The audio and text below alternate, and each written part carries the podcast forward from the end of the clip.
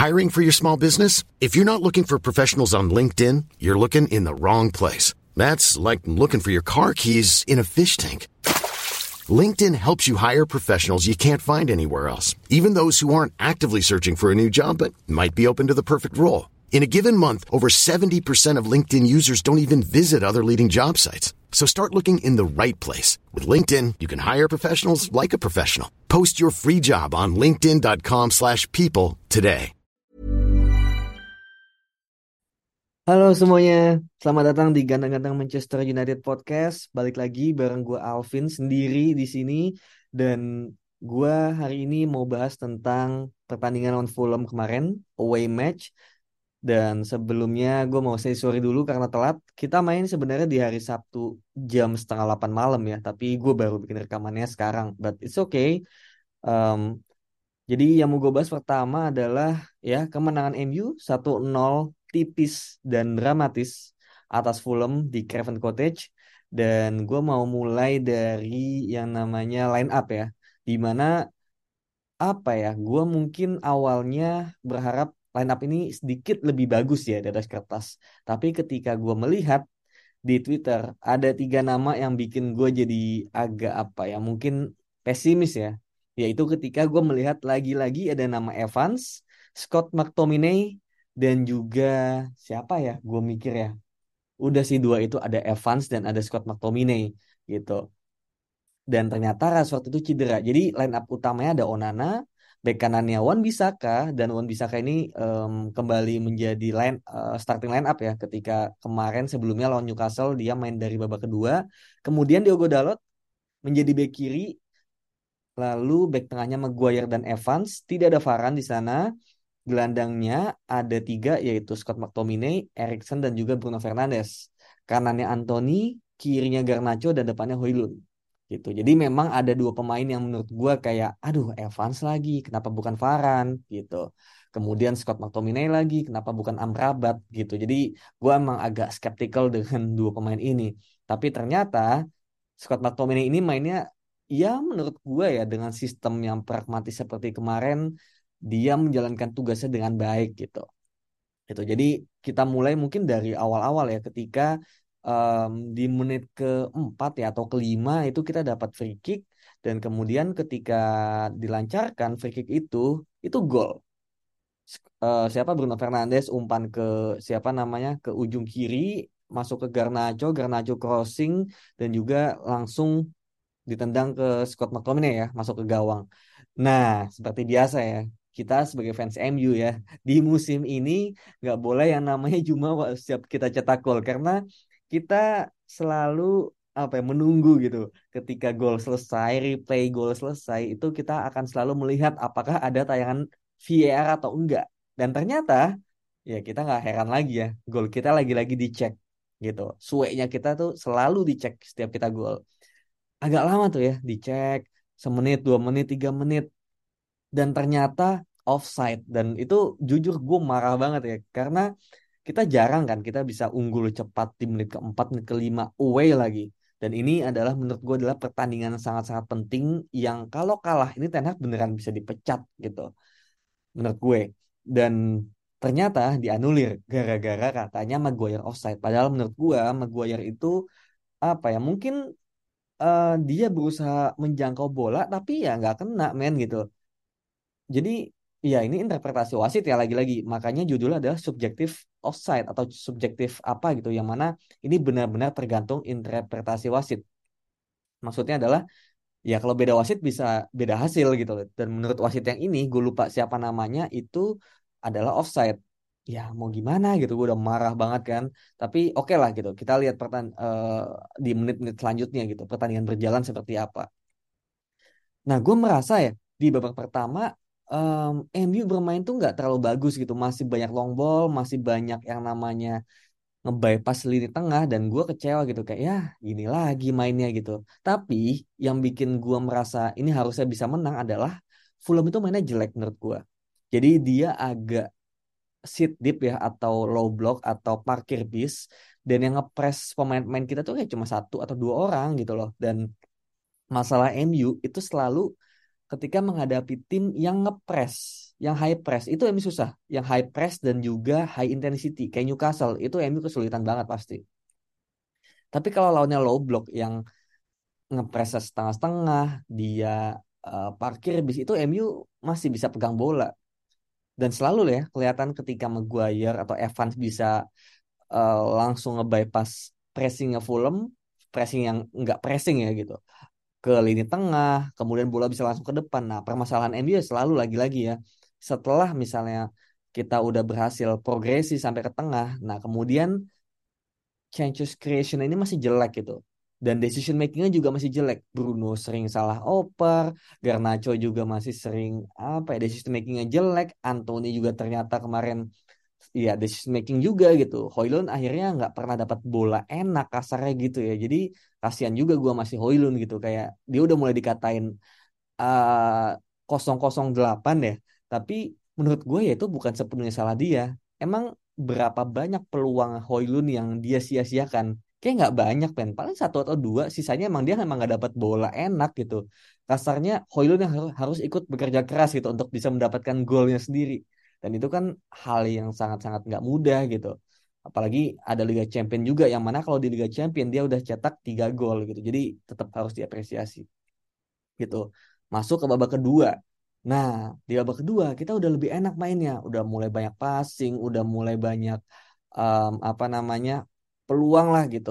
Cuma memang satu yang concerning ya menurutku adalah ketika kita salah oper atau decision makingnya kita salah, kemudian kita kena counter attack.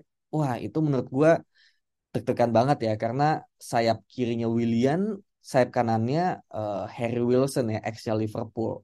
Ya meskipun juga dua pemain ini bukan pemain yang bahaya banget ya, tapi dengan situasi MU sekarang yang sangat rentan dengan counter attack itu menurut gue siapa pun bisa jadi bahaya gitu loh bahkan sekelas Lewis Hall aja kemarin nyuka Newcastle bisa cetak gol, Livramento bisa bikin assist gitu. Jadi menurut gue sekarang udah nggak boleh yang namanya underestimate pemain lain gitu, karena memang kita sendiri lagi jelek banget gitu, terutama counter attack.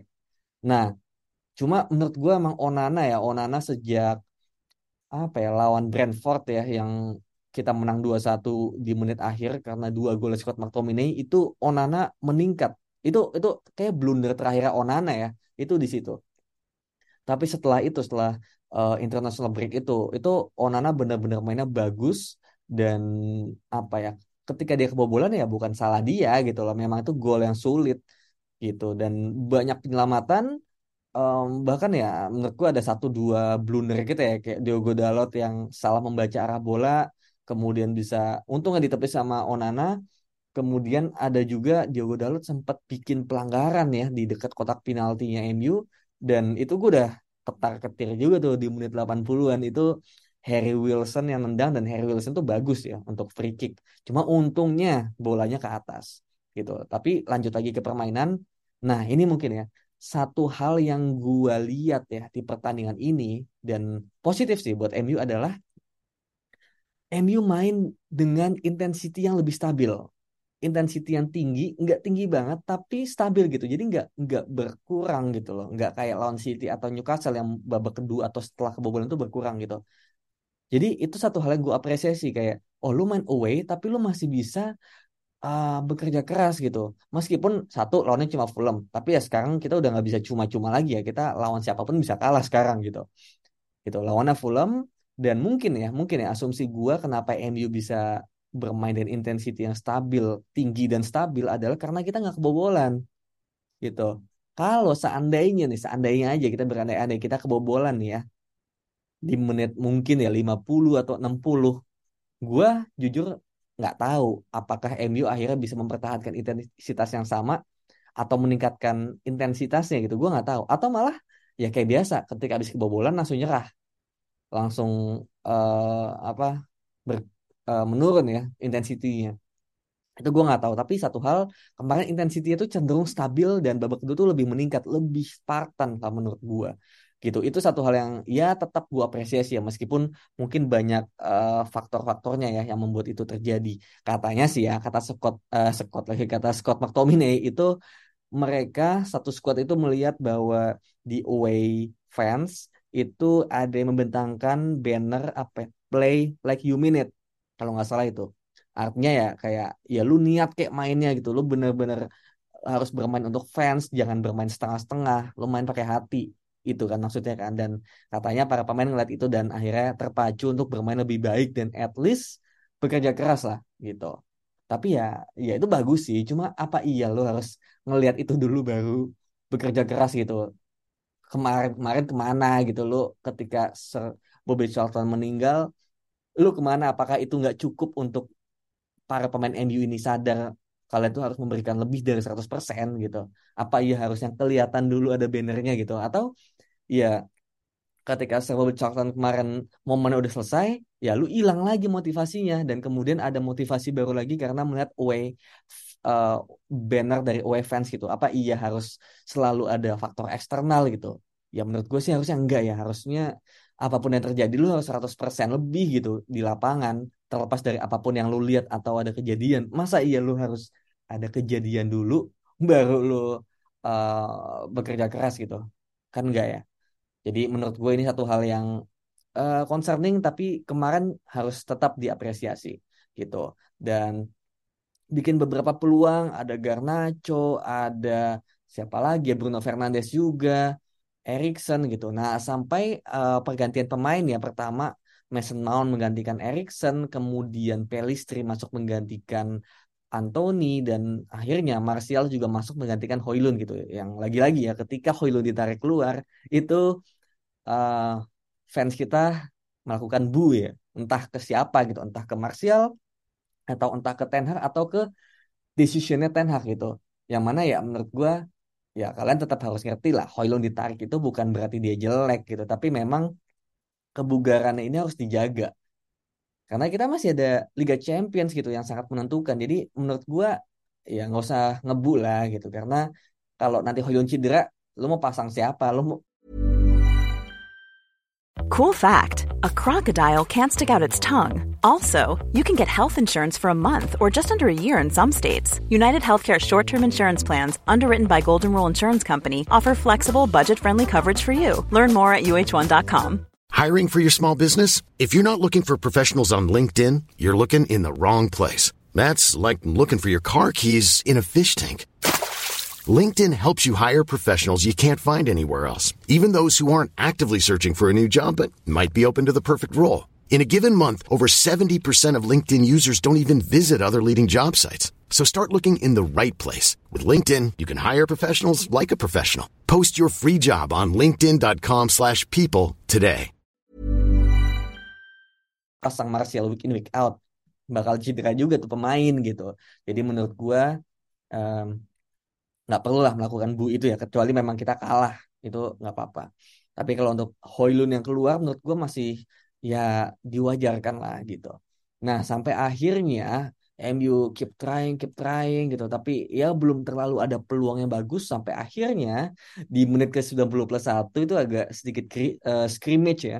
Bruno Pelistri Scott McTominay Martial ya terlibat empat pemain itu di kotak penalti yang kayak tendang, mantul sana, mantul sini, bola balik ke Bruno, Bruno sedikit menipu lawan dengan uh, kaki kiri dipindah ke kaki kanan dan shoot ke ujung kanan bawah Leno. Dan itu tipis banget sama tiang jadi kayak itu agak nggak nggak yakin ya itu masuk apa enggak dan ketika gol itu gue yakin semua dari kita teriak kegirangan gitu. Karena wih 90 plus satu men gitu kan. Bruno Fernandes juga kita lihat ya ada fotonya di mana fotonya itu yang kayak lega banget abis golin gitu.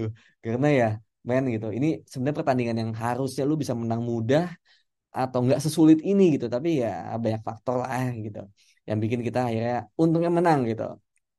Gitu. Dan ya sampai pelut akhir berbunyi ya Oh sebelum itu juga Varan ya akhirnya masuk gitu. Banyak yang bilang uh, Erik Ten Hag disrespect Varan gitu ya. Gue nggak tahu ya sebenarnya apakah memang ada sesuatu dengan Rafael Varan gue nggak tahu. Tapi ya gue uh, pemikiran positif gue adalah Ten Hag merasa lawan Copenhagen ini lebih butuh pengalaman Varan gitu dan Varan ini kalau dimainkan week in week out atau dua kali seminggu ini masih rentan gitu mungkin ya jadi Varan disiapkan untuk Liga Champion yang sifatnya lebih ke pengalaman gitu. Tapi lawan Fulham lebih kepada taktikal. Mungkin ya ini ini uh, positive thinkingnya gua gitu. Jadi lebih ke ya Evans sama Maguire bagus banget mainnya menurut gua kemarin. Apalagi Maguire ya gitu. Dan akhirnya kita berhasil memenangkan pertandingan, lega banget, tiga poin diraup dan ya Ten masih selamat gitu dari pemecatan.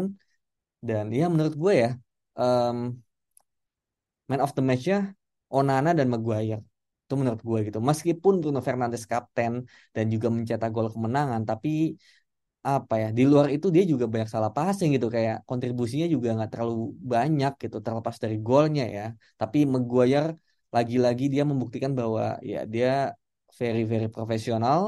Gua harus apresiasi juga gitu. Meskipun di awal musim gue marah banget sama dia nggak nggak mau pindah ya. Tapi ketika memang dia bermain bagus ya gue tetap memuji dan mengapresiasi dia gitu Maguire bagus Onana juga banyak penyelamatan um, Pelistri juga menurut gua uh, dia menjadi pembeda ya di sisi kanan ketika Anthony cukup stuck di kanan nggak berkutik dan ketika Pelistri main ya lebih direct gitu. Anthony kan bukan pemain yang direct kan dia lebih ke ball retention gitu. Jadi memang apa ya? Ini ngomong sedikit tentang Anthony ya.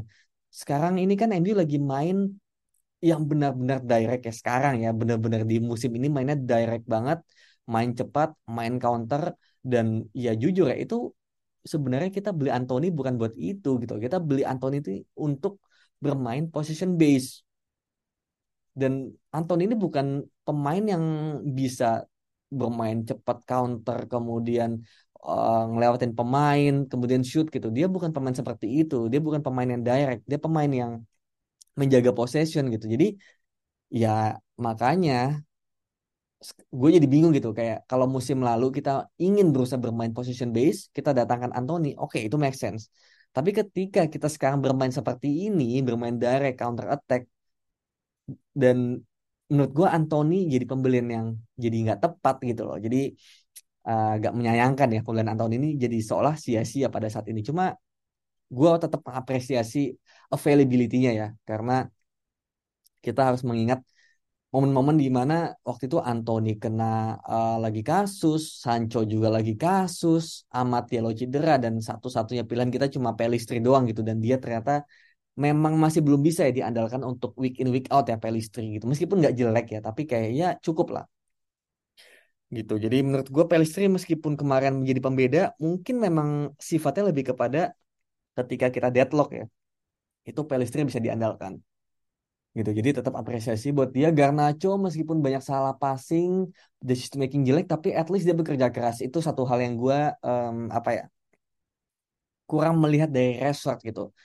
Garnacho ketika dia salah passing dia masih mau lari ke belakang masih mau bekerja keras gitu. Rashford masih agak males-malesan gitu. Terlepas dari Rashford ini ketika memberikan ancaman mungkin secara di atas kertas masih lebih bagus ya tapi ya sayang sekali gitu dia masih kurang bekerja keras dibandingkan Garnacho gitu. Erikson juga sebenarnya bagus gitu kan dari passing-passingnya, visinya.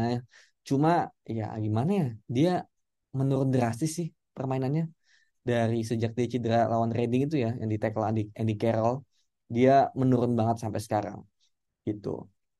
Dalot juga sebenarnya bagus ya. Dia menurut gua Dalot lebih bagus main di kiri daripada di kanan gitu. Karena di kiri sama dia lebih bagus ketika invert gitu loh dibandingkan di overlap gitu. Ketika dia invert dia punya position yang bagus dan uh, passing range-nya juga bagus jadi kayak uh, semi-semi kayak gelandang gitu kayak CM menambah opsi passing di gelandang dia bagus di sana dan itu lebih bagus ketika dia masuk dari kiri dibanding dari kanan gitu kayak Gilon soalnya ya masih kurang meyakinkan ya sekarang gitu dan Regilon kan lebih ke overlapping ya daripada underlap ataupun dia invert gitu. Jadi masih one dimensional untuk Regilon, tapi Dalot bagus di kiri kemarin dan Wan Bisaka ini gue benar-benar harus applause bagi fans Wan Bisaka. Selamat, Wan Bisaka udah kembali dan dia benar-benar apa ya um, sangat bisa diandalkan. Jadi memang kalau yang ngikutin GGMU ya dari dulu pasti tahu lah bahwa gue adalah orang yang apa ya mungkin bisa dibilang pengen Wan Bisaka dijual gitu karena secara permainan possession base itu Wan Bisaka nggak bisa gitu. Tapi dengan situasi seperti sekarang di mana MU ini um, bermainnya direct counter attack, kemudian juga uh, apa namanya mengandalkan pressing dan kemudian ketika kita kena counter attack kita butuh pemain yang bisa segera menghentikan itu Wan Bisaka sangat dibutuhkan untuk permainan kita yang sedang seperti ini gitu. Makanya um, ketika situasinya lagi sulit seperti ini menurut gue Wan Bisaka ini adalah pemain yang sangat-sangat bisa diandalkan. Dan untungnya dia sangat bisa melakukan itu. Kemarin gue lihat ingat banget dia banyak melakukan tackle-tackle krusial yang mana mungkin ketika waktu itu dijaga Diogo Dalot ya dia bukan tipe pemain yang langsung tackle seperti itu gitu. Bukan itu kemampuannya. Jadi kemarin uh, sangat-sangat bagus. Wan Bisaka applause. Onana juga bagus banget banyak penyelamatan gitu. Jadi menurut gua um, well done ya buat MU kemarin 3 poin. Kita sebenarnya sempat di ranking ke-6 Cuma sayangnya gara-gara Brighton cetak gol ya di menit-menit akhir gara-gara Ashley yang ini on goal jadinya Brighton naik kita ketujuh dan Newcastle menang lawan Arsenal gitu. Lewat gol kontroversial ya dan akhirnya Newcastle juga bisa naik ke atas kita dan akhirnya kita lagi-lagi harus stay di ranking 8 tapi ya, menurut gue sekarang ranking ini bukan bukan apa ya bukan patokan ya. Meskipun banyak yang bilang kayak oh kita uh, di musim ter jelek kita kita cuma beda 6 poin dari Arsenal yang ada di ranking 4 gitu. Tapi ya menurut gue ya kita sebagai fans yang kita harus lebih apa ya, lebih smart lah ya dalam membaca situasi. Bahwa kita nggak boleh cuma ngeliat klasemen aja gitu. Tapi gimana cara kita bisa ada di sana gitu.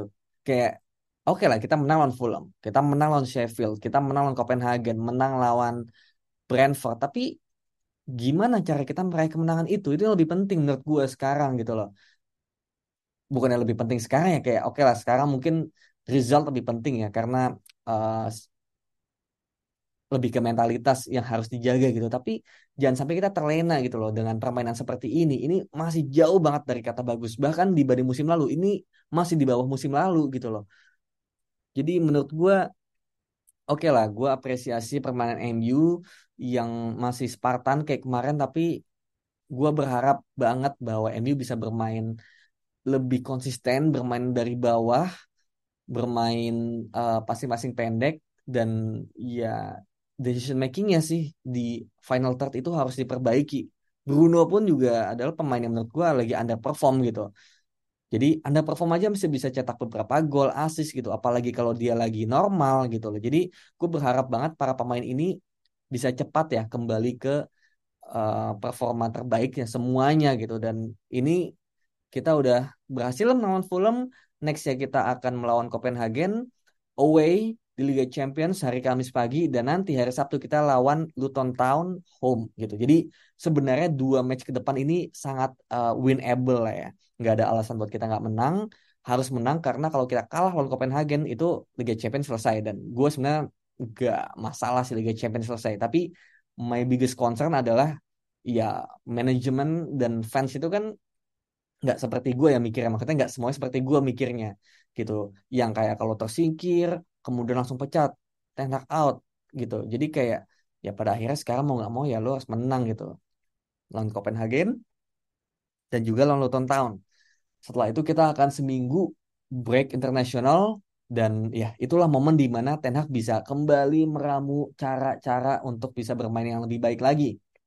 Maka dari itu ya kita harus dalam mentalitas yang lebih bagus gitu. Mentality state harus lebih bagus. Makanya dua match ke depan kita harus menang wajib menang gitu kayak gue udah nggak peduli oke okay lah mungkin mungkin ya ya oke okay lah gitu meskipun gue tadi pingin MU bermain dengan cara yang benar tapi mungkin at this moment MU cuma butuh ugly win dulu gitu kan karena kita habis dibantai dua kali lawan City, Newcastle, home 3-0 identik gitu. Jadi kayak mentality kita sempat di bawah, tapi nextnya hopefully kita bisa menang di dua match setelahnya gitu. Itu aja paling dari gua. Nanti lawan Copenhagen kita bahas besok ya terpisah. Mungkin bareng Saung juga, tapi kali ini kita bahas lawan Fulham aja. Itu aja. Selamat buat MU, 3 poin. Kita ranking 8. Semoga bisa konsisten. Itu aja dari gua. Thank you.